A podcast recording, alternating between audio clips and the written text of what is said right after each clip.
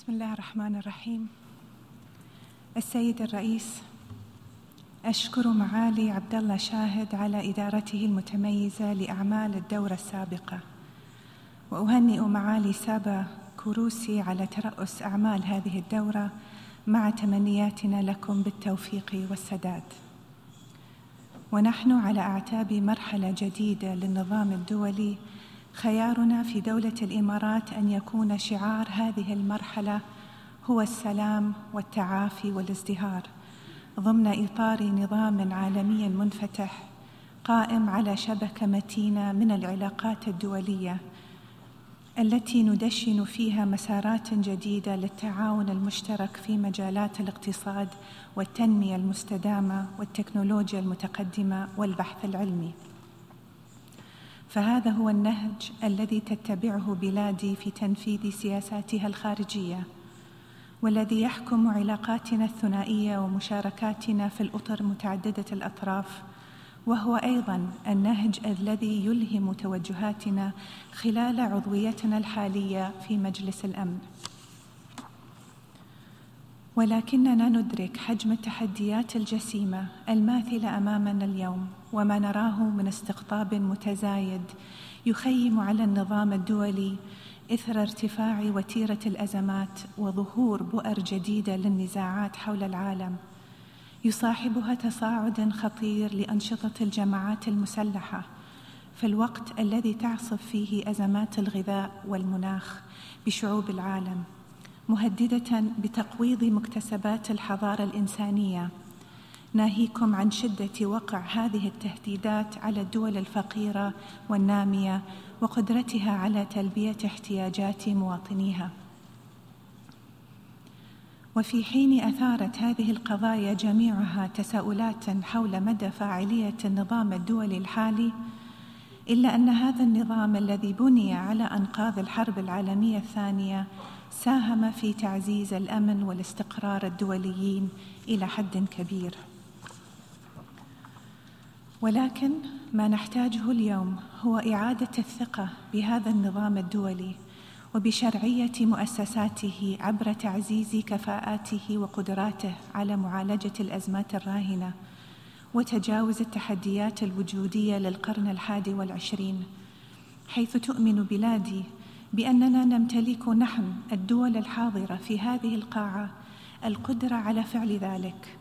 إذا ما عقدنا العزم وسخرنا ما لدينا من إمكانيات لرسم مستقبل أفضل لشعوبنا. ومن هذا المنطلق أود التأكيد على جملة من المسائل التي ينبغي أن نركز عليها في الفترة المقبلة.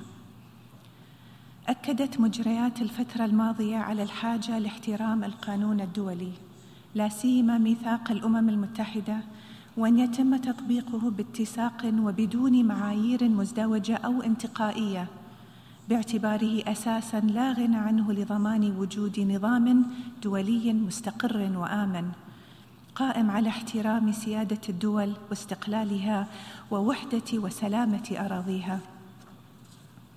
ونجدد في هذا السياق مطالبتنا بإنهاء احتلال إيران للجزر الإماراتية الثلاث. طنب الكبرى وطنب الصغرى وأبو موسى والتي يثبت التاريخ والقانون الدولي سيادة بلادي عليها. ونؤكد أنه ورغم عدم استجابة إيران لدعوات بلادي الصادقة لحل النزاع بالطرق السلمية على امتداد العقود الخمسة الماضية إلا أننا لن نتوقف يوما عن المطالبة بحقنا المشروع في هذه الجزر إما من خلال التفاوض المباشر أو محكمة العدل الدولية. كما ينبغي بذل قصارى الجهود لتجاوز حالة الخمول التي باتت السمة الأبرز للنهج الدولي الراهن في التعامل مع الأزمات والانتقال نحو إيجاد حلول دائمة وشاملة وعادلة للنزاعات المسلحة المتصاعدة حول العالم. ومعالجة التداعيات الناجمة عن الاضطرابات في المشهد الدولي.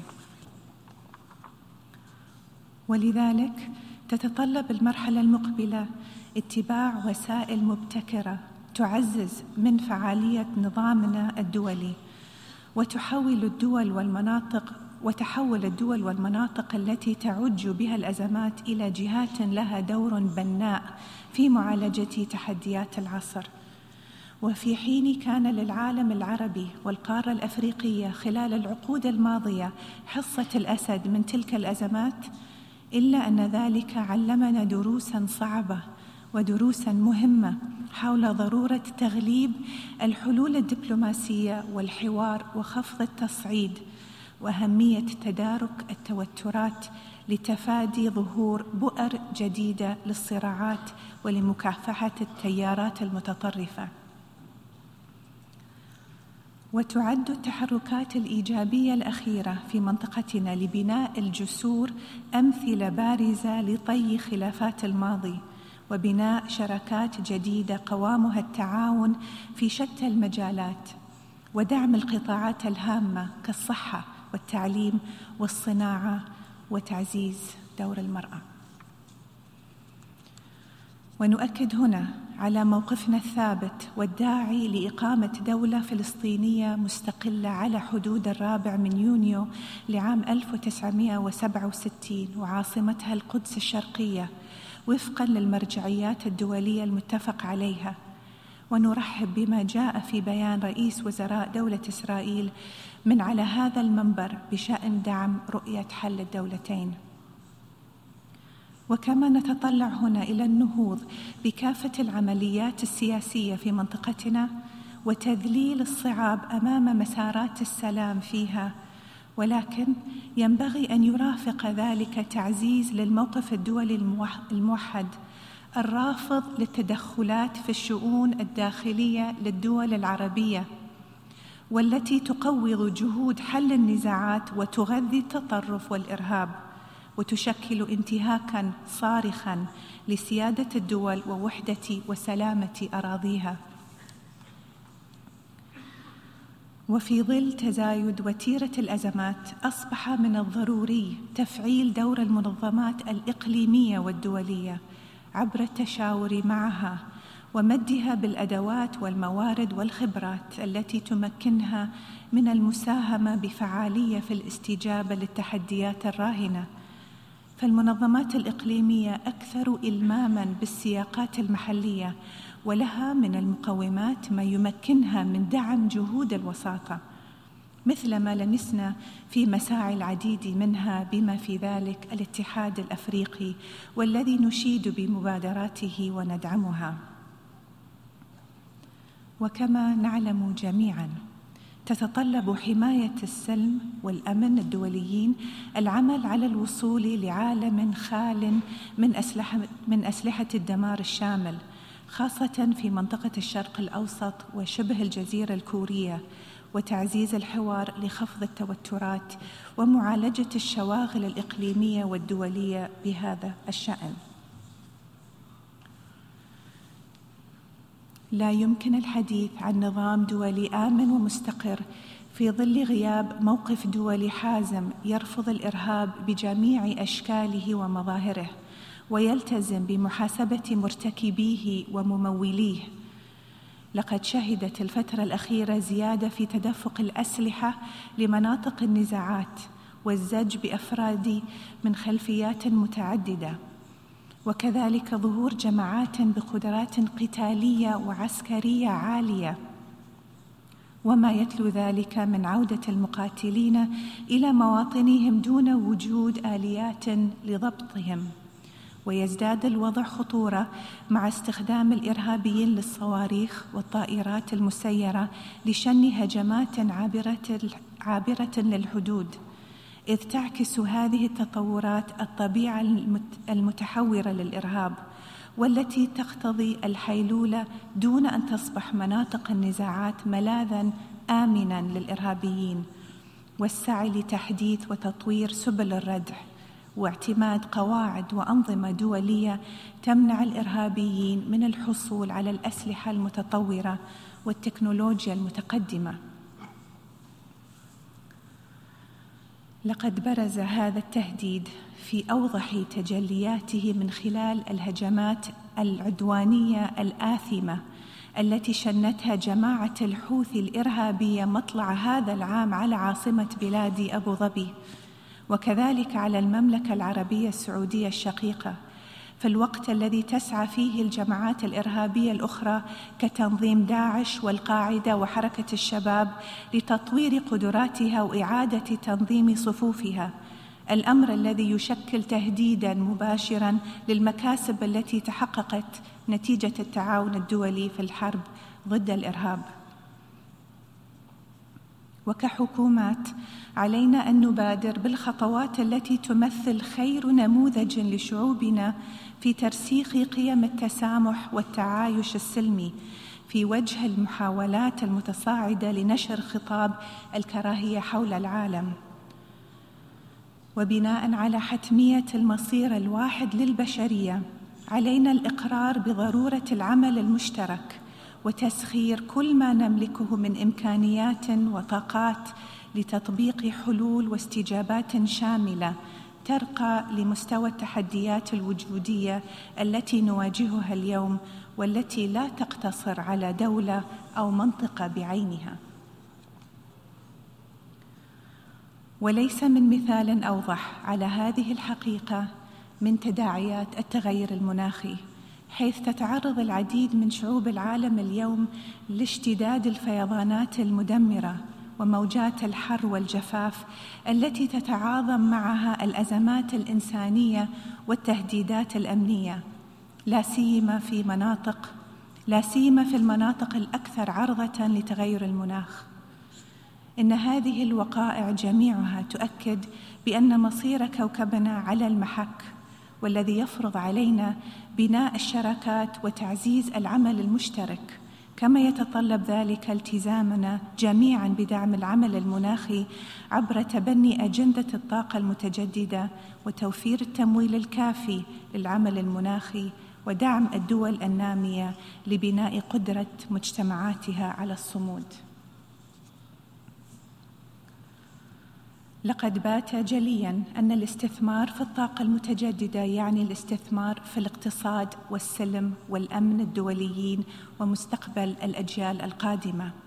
وعلينا في هذا الصدد استغلال الفرص المتاحة لاستنباط حلول عملية ومنطقية ومدروسة لأزمة المناخ. بما في ذلك خلال الدورة السبع وعشرين من مؤتمر الأطراف في اتفاقية الأمم المتحدة الإطارية بشأن تغير المناخ المزمع عقدها في جمهورية مصر العربية الشقيقة في نوفمبر المقبل.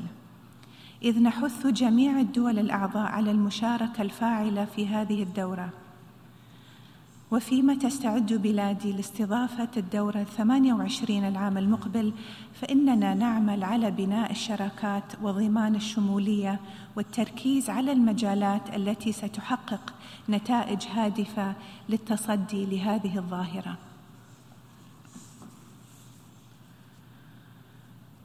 كما أن التركيز على العمل المناخي سيخفف من أزمة الأمن الغذائي حول العالم حيث تسعى مبادرة الابتكار الزراعي للمناخ التي أطلقتها بلادي مع الولايات المتحدة الأمريكية إلى تحسين الإنتاج الغذائي وتخفيف مستويات الجوع حول العالم. وفي الوقت ذاته ينبغي علينا تكثيف المساعدات الغذائية للشعوب والحفاظ على استمرار التدفقات العالمية للمواد الغذائية. مع البحث عن وسائل عملية لتأمين سلاسل الإمداد في ظل الخلافات الجيوسياسية الراهنة.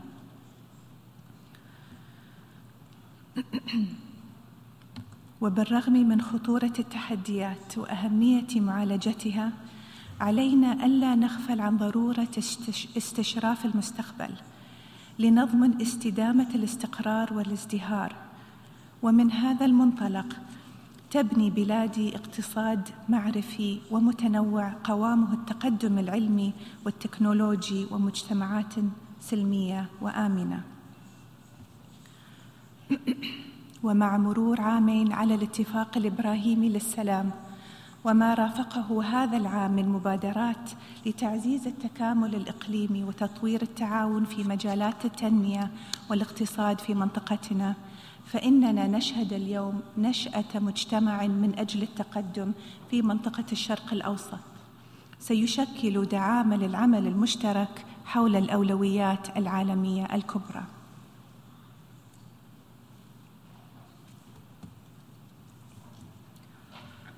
ونرى في الشباب خير محرك لهذه الجهود. فقد أثبتوا خلال الأزمات الراهنة قدرتهم على الصمود والابتكار وابدوا شغفا منقطع النظير في التواصل مع أقرانهم حول العالم لإيجاد حلول مستدامة للتحديات العالمية. لذلك لن نحيد عن رهاننا عليهم واستثمارنا فيهم ليكونوا عماد المستقبل وقادته. وكذلك نؤمن أن المشاركة الكاملة والمتساوية والهادفة للمرأة في مختلف المجالات تساهم في نهضة المجتمعات وضمان استقرارها اليوم وغدا. وختاما تؤكد دولة الإمارات أنها ستواصل مسارها سواء على السعيد على الصعيد الإنساني أو الدبلوماسي أو التنموي في دعم الشعوب المتضررة من الأزمات والكوارث. دون أي اعتبارات دينية أو عرقية أو سياسية أو ثقافية. وسنواظب على العمل مع كافة الأصدقاء والشركاء لبناء قدرات وكفاءات الحكومات والشعوب في مختلف المجالات لتحقيق الخير للعالم أجمع. وسيظل ذلك المسار نبراسا لجهودنا في كافة المحافل. وشكرا سيد الرئيس.